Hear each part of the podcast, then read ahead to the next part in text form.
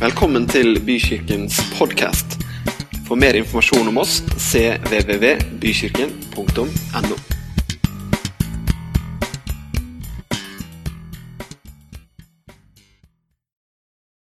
Dere, det er et nytt år, og Jeg tror at dette året som vi har starta på nå, kan bli et veldig bra år for deg.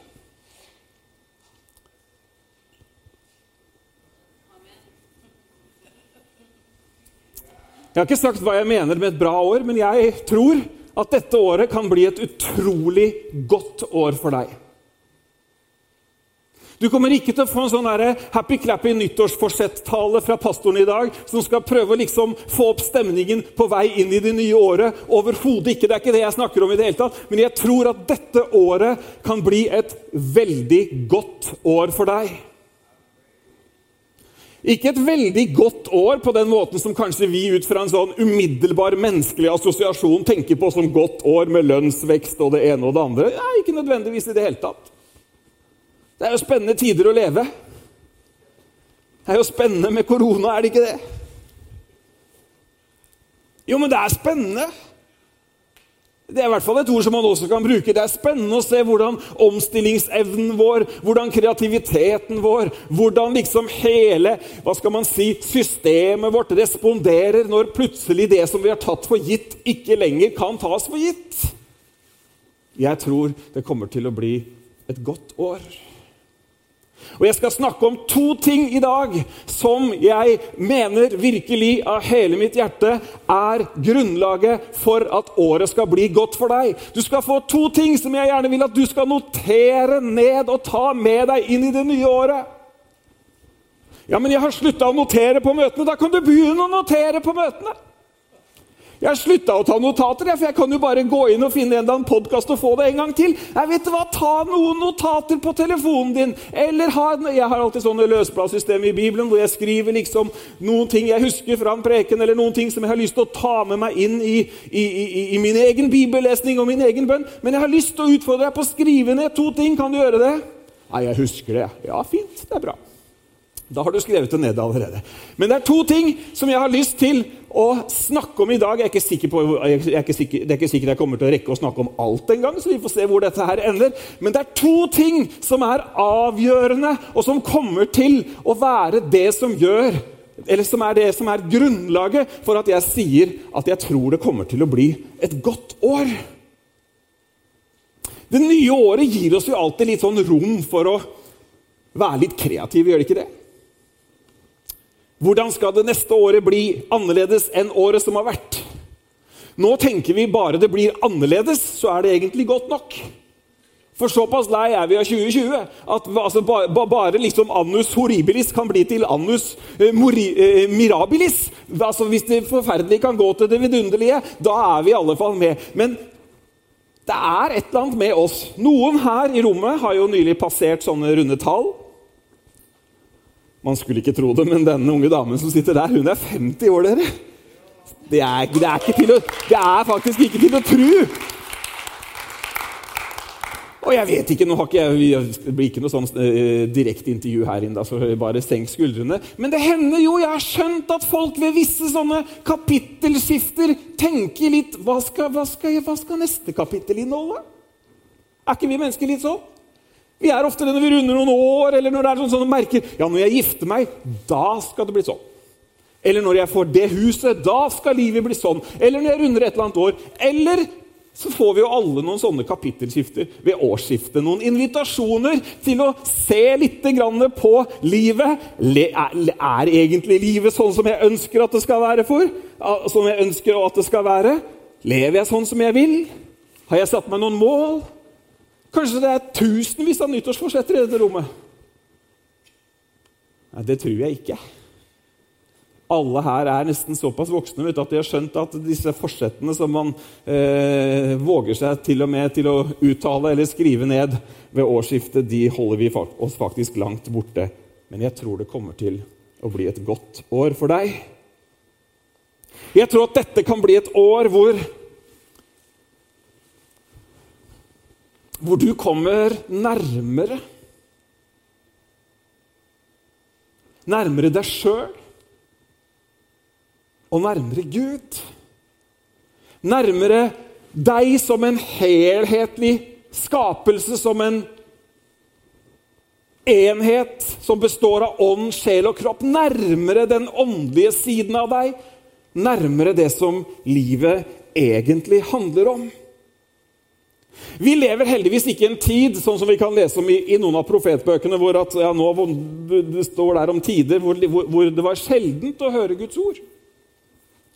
Det var sjeldent at Ånden talte. Vi lever heldigvis dere, i en tid hvor Guds hellige ånd er utgitt på alle mennesker. Hvor ånden er gitt til verden. Gud er til stede her i dette rommet, her i denne verden, med sin levende hellige ånd. Og Det er liksom ganske interessant når vi snakker om to ting. Og du vet ennå ikke hva de to tingene er. Men jeg har lyst til å nevne to ting som jeg tror at vil utgjøre en forskjell, og som definitivt, definitivt vil gjøre livet ditt annerledes enn det det er nå. Hvor mange, uten at du liksom skal fortelle noen hemmeligheter, hvor mange kunne tenkt seg at livet var annerledes på et eller annet område? Ja, det er noen som er helt fornøyde, tydeligvis. Jeg, ok, ja, men Det er jo fint. Jeg vil gjerne ha en sånn prat med dere som ikke rakk opp hånda nå, for dere har sikkert knekt en eller kode som jeg sliter litt med. Men har Bent Ove lyst til at livet skal bli annerledes på noen områder i 2021? Ja. Har du? Bra. Da er vi liksom litt i samme båt i dag, og det er litt greit når vi skal snakke sammen. ikke sant? Disse to tingene som jeg skal snakke om i dag, som vil være avgjørende for det neste året, det er ikke noe som du og jeg skal sette oss ned og håpe sterkt på at faller ned i hodet på oss fra himmelen. Ok? Jeg skal ikke snakke om vekkelsen som kanskje kommer rundt neste hjørne. Men jeg skal snakke om to ting som jeg tror at vil gjøre ditt år helt annerledes. Og nå regner jeg med at du har både penn og papir og mobiltelefon klar. Vi skal lese dagens tekst, og den skal du også få på veggen. Vi skal lese noen tekster som ikke du får på veggen, men jeg hjelper deg litt i gang dette året her. Eh, er ikke det fint, da? Det går bra med hele gjengen, eller? Ja. Jeg syns dere ser veldig godt ut. Sånn etter, etter, en hel lang jul så ser dere faktisk godt ut. Noen har sikkert eh, økt egenkapitalen også. På flere måter. Og vekta, ja. Første krønikebok, kapittel 14. Det handler om David. David, kong David. David som slo Goliat.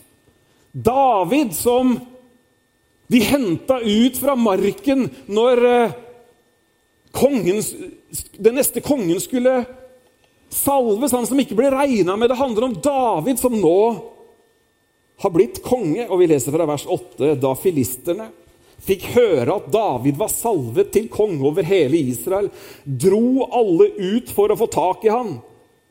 Men David fikk greie på det og dro ut mot dem. Filistene kom og plyndret i Refaim-dalen. Da ba David Gud om råd.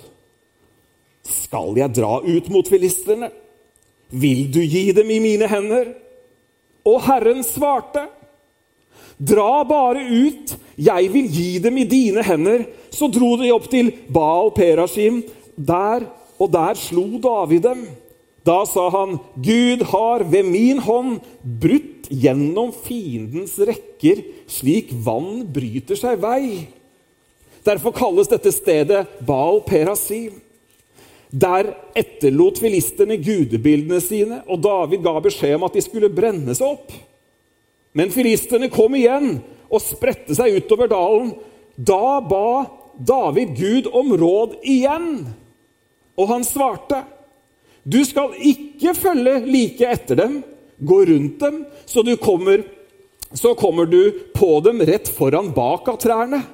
Når du hører lyden av marsjgang over tretoppene, skal du gå til kamp. For da drar Gud ut foran deg for å slå filisternes hær. David gjorde som Gud hadde befalt ham. De slo filisterhæren og forfulgte den til Gibeon, til, fra Gibeon til Geser. Davids navn ble kjent i alle land, og Herren lot frykt for han komme over alle folkeslag. Det er utrolig mye interessant i denne teksten. Men det denne teksten handler om, som, jeg, som er den første av de to tingene som jeg vet at vil gjøre ditt liv annerledes, det er bønn. Altså, Revolusjonerende. Har du funnet på det helt av deg selv, Bent Ove? Nei, overhodet ikke! Har du fått en ny åpenbaring? Nei, jeg har ikke fått, åpen, jeg ikke fått ny åpenbaring. Jeg har bare lest det åpenbarte Guds ord. Her ser vi David som står midt i livets hardeste test. Han er i ferd med å bli, skulle bli konge, eller han er salva til konge, og motstanden reiser seg umiddelbart. Og Egentlig så skulle man jo tenke at ja, men David, du er jo en erfaren kriger. Hvorfor skal du blande Gud inn i dette her i det hele tatt? Du har jo mange år på baken. Du har vært ute en vinternatt før. Du har banka noen filistere før. Du har jo allerede en god merittliste. David ba Gud om råd. Kommer du til å gi dem i min hånd, Gud? Hva skal jeg gjøre, Gud? Gud svarer, han gjør som Gud sier, og så er det en ny situasjon. Og ah, Det er jo helt morsomt, altså han har jo allerede tatt det med en gang. Nå, hvorfor tar han ikke bare samme strategi en gang til? da? Det funka jo forrige gang. Da spurte David Gud til råds igjen. Nei, du skal ikke gå etter dem denne gangen. Denne gangen skal du ta en liten sånn omvei, og så skal du komme for, for, foran dem. Og når du hører lyd altså det her, Tenke seg til å være soldat i Davids hær. Hva er det han derre hærføreren vår driver med? Nå har vi akkurat hatt et møte hvor vi har lagt strategien, og, og den strategien den funka forrige gang. Men nå, nå er han inne i teltet sitt og ber! Det er jo merkelig, da. Det er lett at vi som mennesker bare går på sånn gammel autopilot. Ikke sant? Jeg kom meg gjennom 2020. Jeg kom meg sikkert gjennom 2021. Men bønn Bønn kommer til å gjøre året ditt annerledes. Og Nå vil jeg at du skal glemme alt du egentlig har hørt om bønn et øyeblikk. Nå vil jeg at du ikke skal dra fram den dårlige samvittigheten om den gangen du tenkte at nå skal jeg dra i gang mitt personlige bønneliv, og gikk på trynet. Ok? Nå vil jeg ikke at du skal hente fram en sånn derre 'Å ja, nå kjenner jeg fordømmelse, for dette har jeg ikke fått til'. Kan vi, kan vi være enige om det? Du skjønner at Det er ingen fordømmelse for den som er i Kristus Jesus.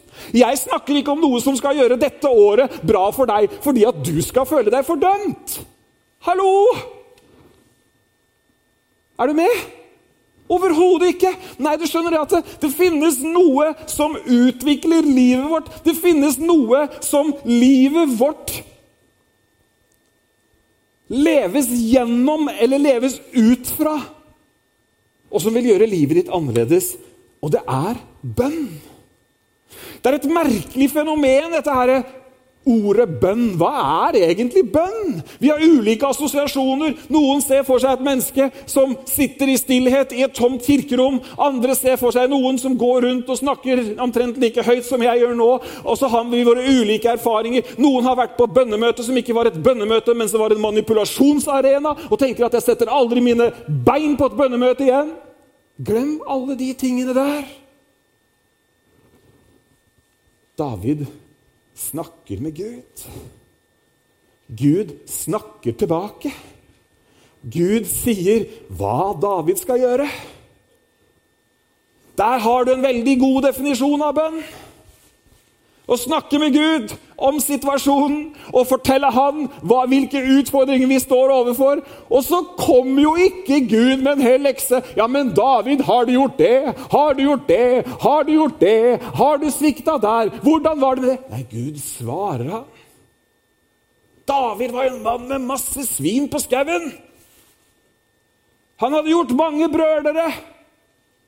Men det står også at David var en mann etter Guds hjerte. Kan det være at han var en mann etter Guds hjerte fordi at han spurte Gud til råd? Kan det være at hjerteinnstillingen var ikke sånn som jeg tenker, Gud, men hva er din vilje? Hva er din plan? Så står det at Herlig, vet du. Vi har lest det akkurat der. Det er en preken i seg sjøl, vi skal ikke ta den. Men da sa han, Gud har ved min hånd brutt gjennom fiendens rekker, slik vann bryter seg fram. Det er tydelig at det er et resultat av denne bønnen. Og så er det jo litt merkelig, for når Jesus kommer, så er bønn en stor del av Jesus sitt liv. Ja, men kjære min tid, han er jo, han er jo Gud! Vi leser mange steder i evangeliene om at Jesus trakk seg tilbake for å be. Så gikk han opp i fjellene og var der gjennom natten i bønn.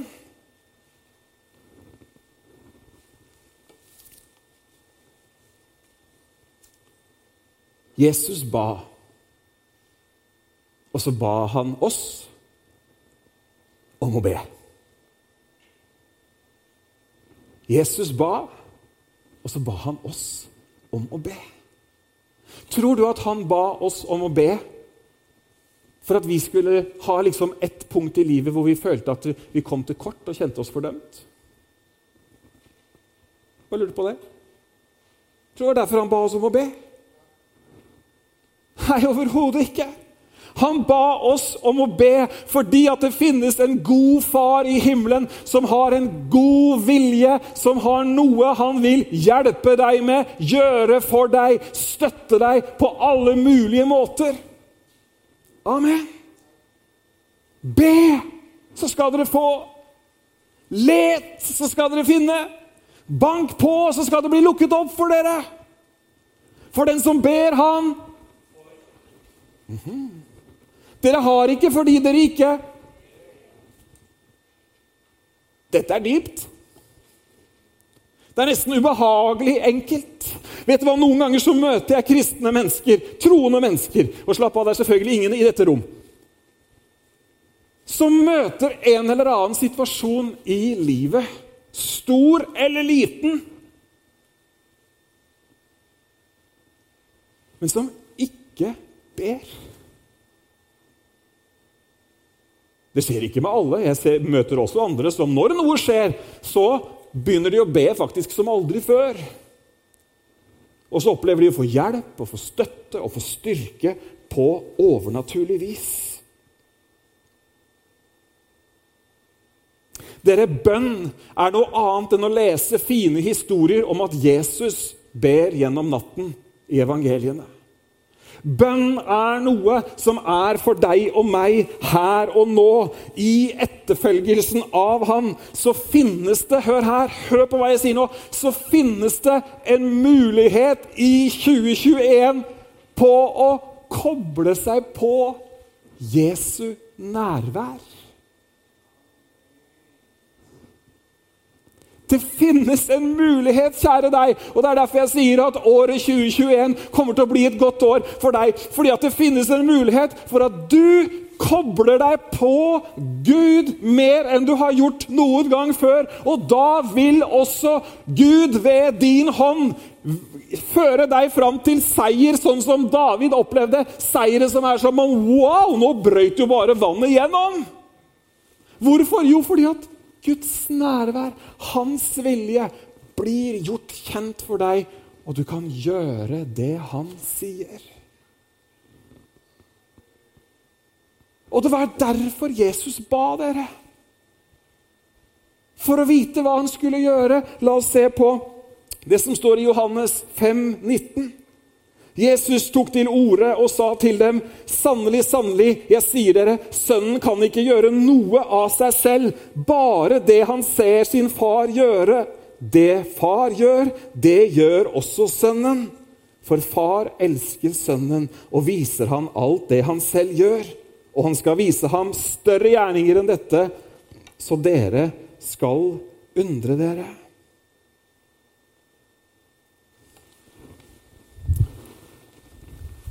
Det finnes en mulighet for deg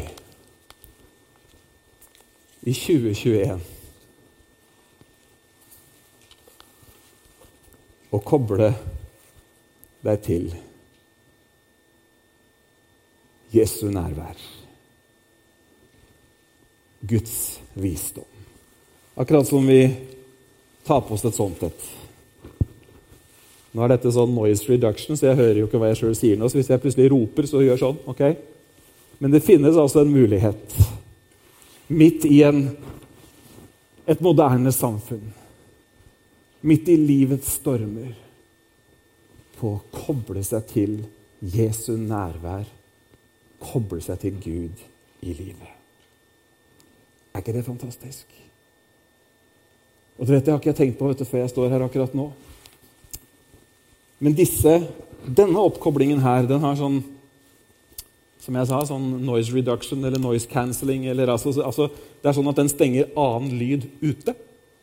Og så hører jeg det som den er kobla til. Bønnen gir deg mulighet til å stenge andre ting ute.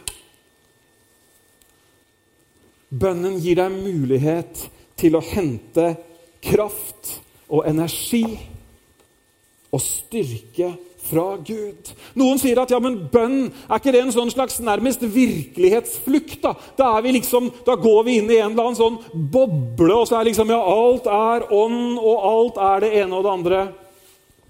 Det var ikke sånn med David. Det var jo ikke sånn at ja, da kom David i henrykkelse og var på bønnemøte resten av det året.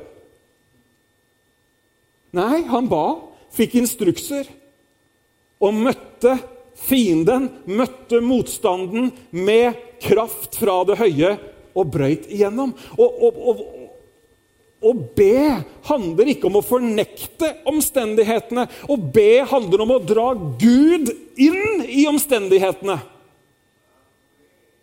Fikk du med deg det? Det er ikke sånn der, å ja, liksom, nå skal vi, da flykter vi inn i et eller annet. Ja, For så vidt så flykter vi inn i et eller annet, men ikke fordi at det er fornektende på noen måte. i det hele tatt, Men vi tar vår tilflukt i Gud, og så blir Guds sannhet om deg, Guds sannhet om situasjonen, den kommer også inn på tallerken og gjør at retten blir fullkommen. Hva sier Gud? Hva sier Guds ord? Vet at Gud sier noe om hele livet ditt.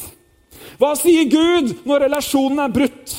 Hva sier Gud når helsa skranter? Hva sier Gud når man mister jobben? Gud sier noe om alle disse tingene, og derfor så trenger du og jeg å høre hva Gud sier om det. Og det skjer når vi prater med Gud.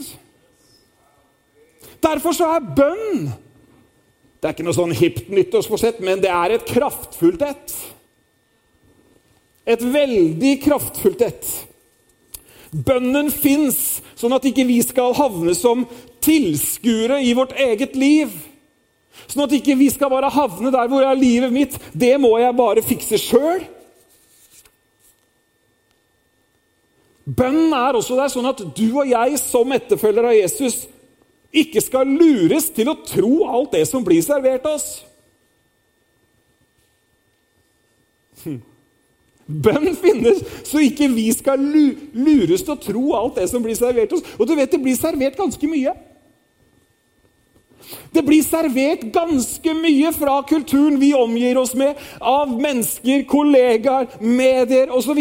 Vi får så mange ting servert, og det er så lett hvis ikke vi har en sånn motvekt, hvis ikke vi har på en måte noe som kan stenge det litt ute, hvis ikke vi er kobla på noe, så, så blir vi jo liksom tatt av det som kommer vår vei. På den måten så hindrer bønnen at vi som mennesker tappes. At vårt indre menneske ruineres. I bønnen så lærer vi Guds stemme å kjenne. Vi hører hva han sier. Disiplene var opptatt av bønn. Lær oss å be. Jesus, hvordan ber du? Lær oss å be. Og så har vi fått den mønsterbønnen, Fader vår, som et svar på det spørsmålet. Når dere ber, sier Jesus, så si dette. Vår Far som er i himmelen. Det er en viktig setning. Vår Far. Akkurat som en far tar imot sitt barn, sånn tar Jesus imot oss. Sånn kan vi komme til Gud.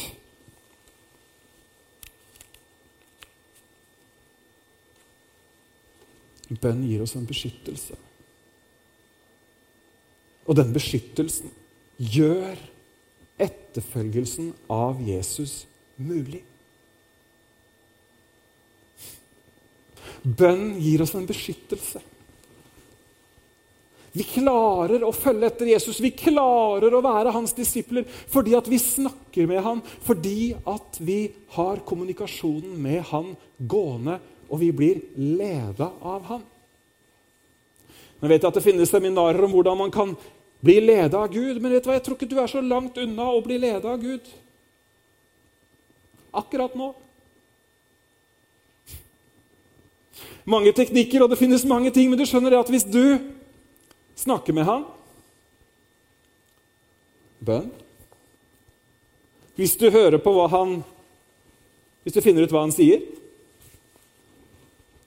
og hvis du er del av et fellesskap,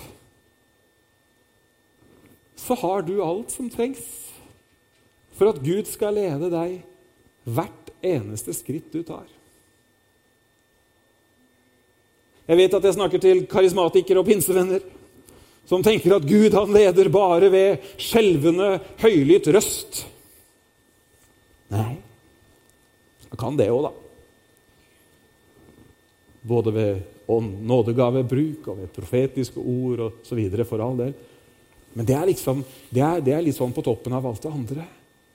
Gud leder deg når du snakker med Han.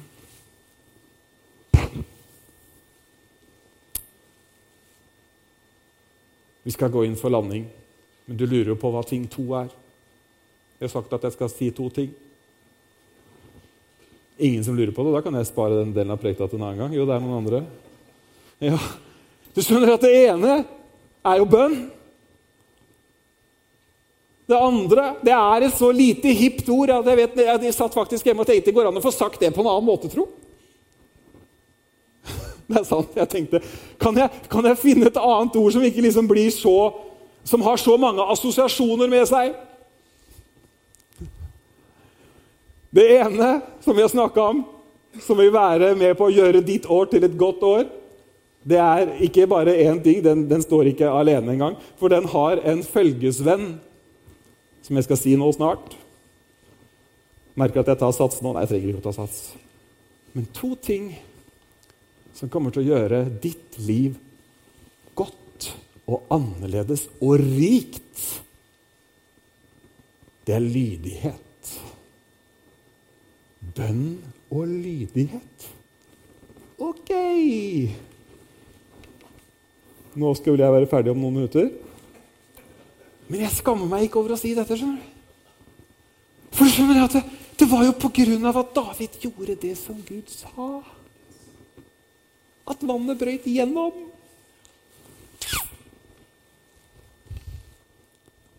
Og så må det jo være utrolig mye mer spennende, da. Hvis du kobler lydighet inn med bønn, hvis du kobler det å gjøre, det du hører Bibelen sier at hvis du bare er et ordets gjører, men ikke bare en ordets hører, men ikke en gjører, da er du lik en mann som ser seg inn i et speil og går bort og glemmer med en gang hvem han er lydighet. Vet du hva? Jeg har lyst til å si to ting om lydighet. For lydighet det handler, altså noen, noen, Med en gang noen hører lydighet, så ser de for seg en sånn der, total underkastelse som liksom er fullstendig selvutslettende for, ditt, for din person. Ikke sant? Nei, nei, nei, nei. nei. Slapp av.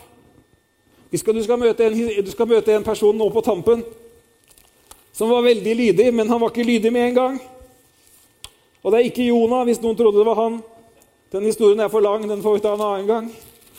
Men du skjønner at eh, og det, det, dette, dette jeg snakker om i dag, det kan du lese om i hele Nytestamentet. Dette er apostlenes gjerninger. Bønn og lydighet. Dette er menighetslivet. Bønn og lydighet. Vi ber, og så hører vi hva vi skal gjøre, og så gjør vi det. Og så går Guds rike fram. Yes! Det var nå du skulle reise deg opp på stolen og si halleluja.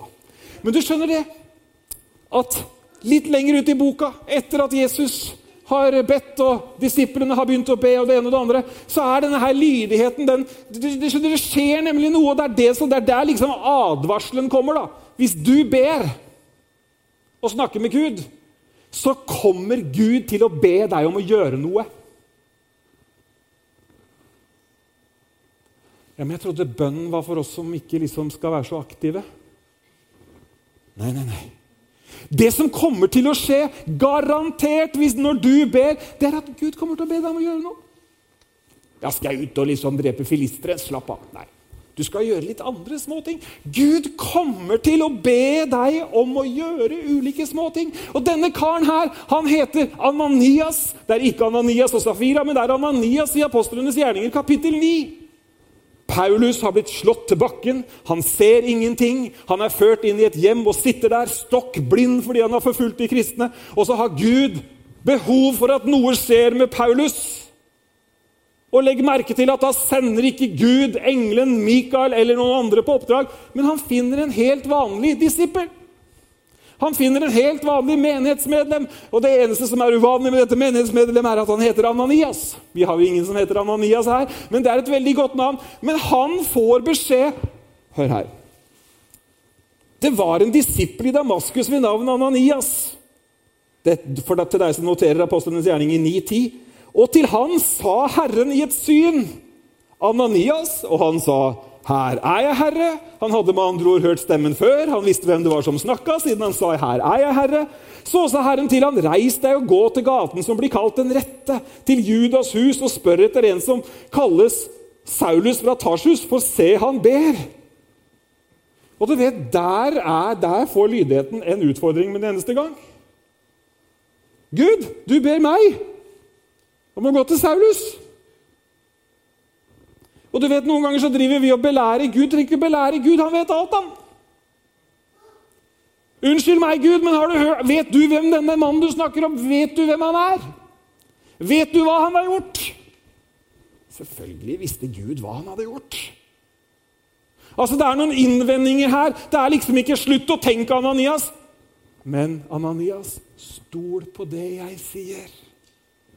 For han skal bli et mektig redskap for meg. Og jeg er jo 100% overbevist om at Anias kunne ikke i sin villeste fantasi forestille seg hva som ble resultatet av denne lydigheten. For du skjønner, Det er nemlig det som er det fantastiske, belønnende, spennende, gode livet, er at For det første, det syns du kanskje ikke er så bra, men lydighet, det krever noe. Det krevde noe av ham. Jeg er helt sikker på at blodpumpa den gikk ganske kraftig når han gikk nedover den gata som kalles Den rette. Tror du det? I bet. Lydighet krever noe, men så gir lydighet store resultater. Oi, oi, oi, oi, oi. Hvilke resultater. Vi står jo her over 2000 år seinere og siterer Paulus flere dager i uka.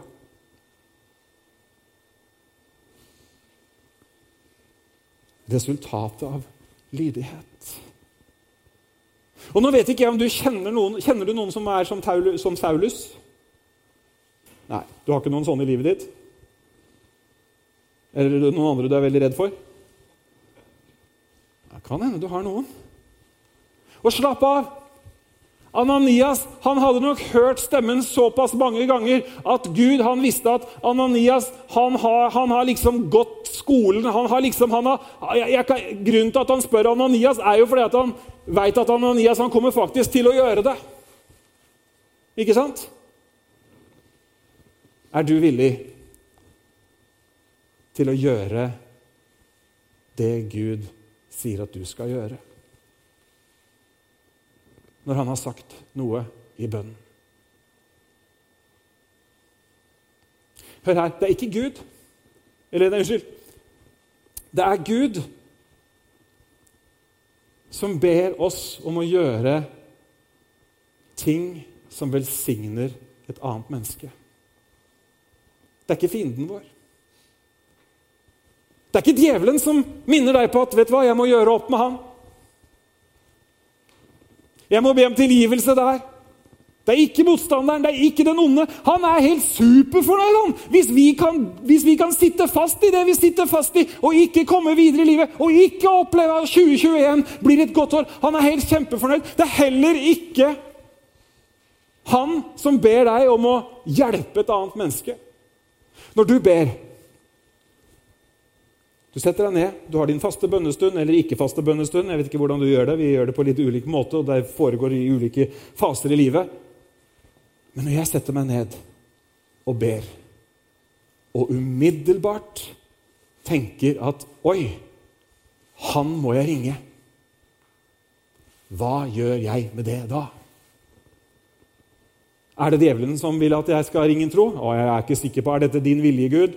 Selvfølgelig er det hans vilje. Hvis Gud ber deg om å gi noen 10 000 kroner Tror du, det er, tror du, det er, tror du liksom det er djevelen som ønsker å velsigne en broder i menigheten? Hallo? Unnskyld meg? Ikke, la oss ikke gjøre det så vanskelig. Hvis du snakker med Gud, så garanterer jeg deg, kanskje ikke i første minutt, men hvis du i 2021 setter deg ned og ber og snakker med Han og hører hva Han har å si, så kommer Han til å gi deg noe å gjøre. Og Det er derfor dette året kommer til å bli et bra år. For det å gjøre Guds vilje, det er det høyeste nivå av tilfredsstillelse du som menneske noen gang kan oppleve. Det er det. Lydighet er bedre enn offer. Til og med Jesus han hadde litt sånn kamp liksom, når han skulle være lydig. Husker du når Jesus var i Getsemane? Han hadde noe å gjøre.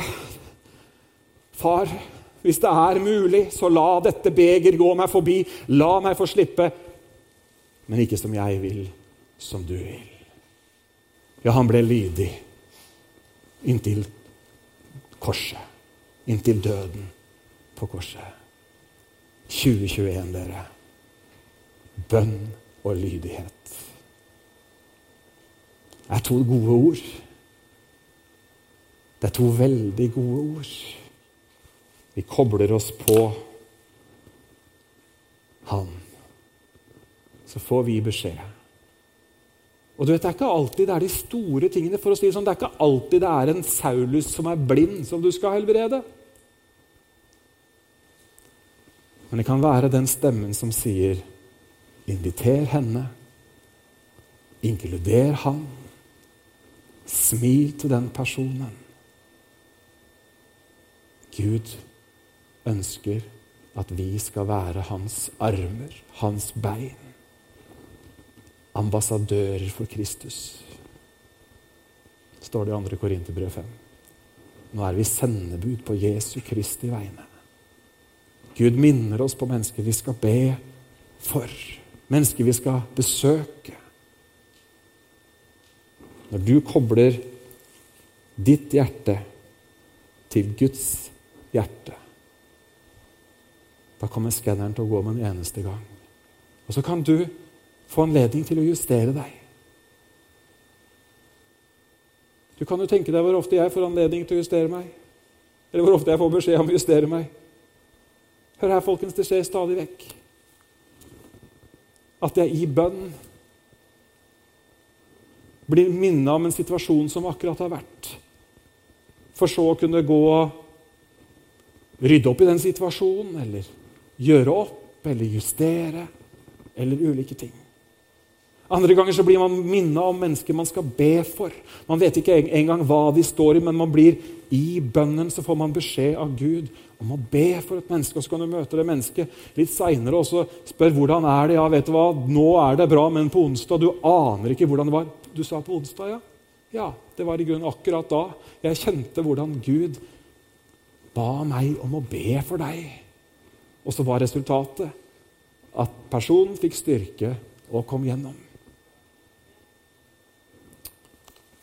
Egentlig ganske uavhengig av dette, men allikevel ganske, ganske passende, så starter vi året med en bønneuke her i Bykirken som begynner på tirsdag. Og det er, nesten, det er nesten litt frimodig å kalle det en uke, men det er i hvert fall tre dager med bønnemøter morgen og kveld. Klokka ni og klokka seks. Tirsdag, onsdag og torsdag. Og jeg er helt sikker på at mange kan rive seg løs en time, eller en time én eller flere ganger i løpet av denne uka. Og så skal vi se det at når vi som enkeltpersoner ber og er lydige, gjør det vi får beskjed om Vet du hva? Davids navn ble kjent i hele verden. Guds rike går framover. Mennesker får oppleve Gud. De får oppleve Guds kvaliteter gjennom deg og meg. De bønnemøtene som vi skal ha denne uka her, er bønnemøter som er for alle. Da mener jeg ikke alle på den måten at nå har vi innkalt liksom alle menighetene i byen til bønn. Men det er for alle dere som er her. Det er for alle som er en del av bykirken på en eller annen måte. Men når jeg sier at det er for alle, så mener jeg å si at du trenger ikke å være liksom selvutnevnt bønnegeneral for å møte opp der. Tok du hintet? Om du er en som ber mye, en som ber lite, en som liker å be høyt, en som ikke liker å be høyt Det spiller ingen rolle i det hele tatt. Det som spiller en rolle, det er at du ber. Når dere ber, sier Jesus, ikke gjør sånn som hedningene. De, de, de, stiller seg opp på et hjørne og ramser opp en hel masse fine ord bare for at alle skal høre hvor flinke de er. De har allerede fått sin lønn, for det var det de søkte. Ikke sant? Så når vi har bønneuke i Bykirken, så skal vi ikke imponere noen, men vi skal gi en mulighet ved å ha noen faste tidspunkter til å rive seg løs. Og jeg er helt sikker på at, og Det er ikke sånn at du kommer og du sa det skulle vare en time, og så, og så holder vi på hele kvelden. Nei, det er fra ni til ti på morgenen og fra seks til sju på kvelden. Og Da avslutter vi, og så kan du fortsette å be hele natta hjemme hvis du vil. Men sånn ser bønneuka vår ut i år. Høres ikke det fint ut, da? Dere, vi reiser oss opp, og så skal vi lovsynge Herren sammen.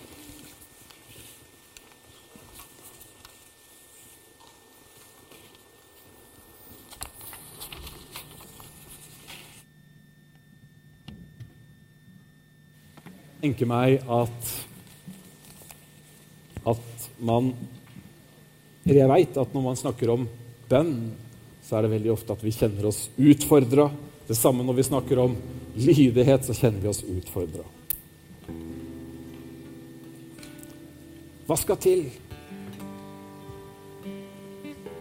for at du får tid til å be? Vet du hva, Jeg er helt overbevist om at vi alle klarer å finne noen minutter og starte en spennende reise inn i et nytt år. Noen kjenner seg utfordra. Vet du hva, nå skal jeg faktisk gjøre det som jeg pleide å gjøre før. Jeg skal stå opp en time tidligere, eller jeg skal legge meg en time seinere, eller jeg skal ta meg en pause, eller jeg skal gå en tur, eller jeg skal sette meg på stubben min. Spiller ingen rolle. Form og farge spiller ingen rolle. Det som spiller en rolle, er at du setter deg for i ditt hjerte at 'jeg vil koble meg på den allmektige Gud'. Jeg vil høre hva han har å si om akkurat sånn som jeg har det. Jeg vil høre hva som er hans svar på mine spørsmål. Jeg vil hente av hans lager av kraft, styrke, pågangsmot, tro. Alt det jeg trenger.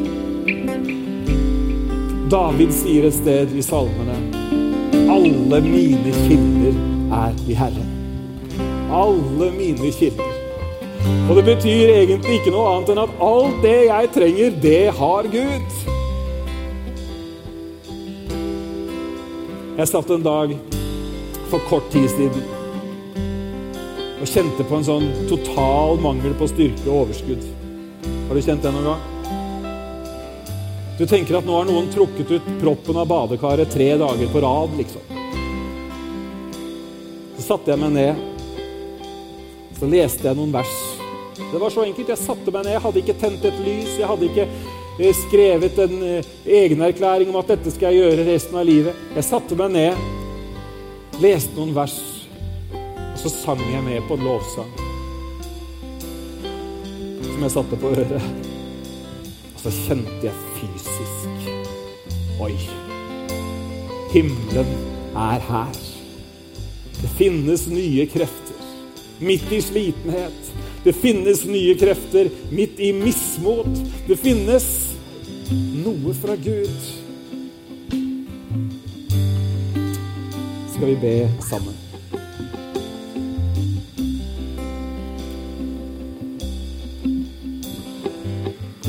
Takker deg, himmelske Far. Vår Far. Takker deg for at vi kan få lov til å kalle oss dine barn. Og siden du er vår far og vi er dine barn, så har du noe på hjertet. Du vil oss det beste. Du vil nå inn til oss.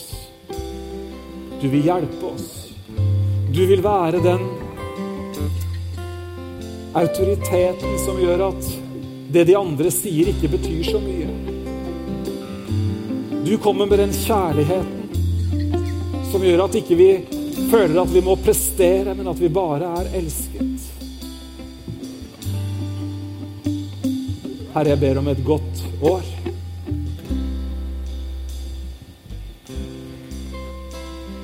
I bønn og samtale med deg. I lydighet mot det du gir oss beskjed om. Så skal vi få se hvordan vi vokser i nåde og kjennskap hvordan vi faktisk blir mer lik Jesus. Takk at du kjenner hver eneste en av oss, og du vet akkurat hvor hver eneste en befinner oss. Og vi trenger ikke å sammenligne oss med noe. Vi trenger bare å trekke oss nærmere deg. Jeg ber for 2021. Nærmere deg, dypere nye åpenbaringer av hvem du er. Jesu navn. Amen.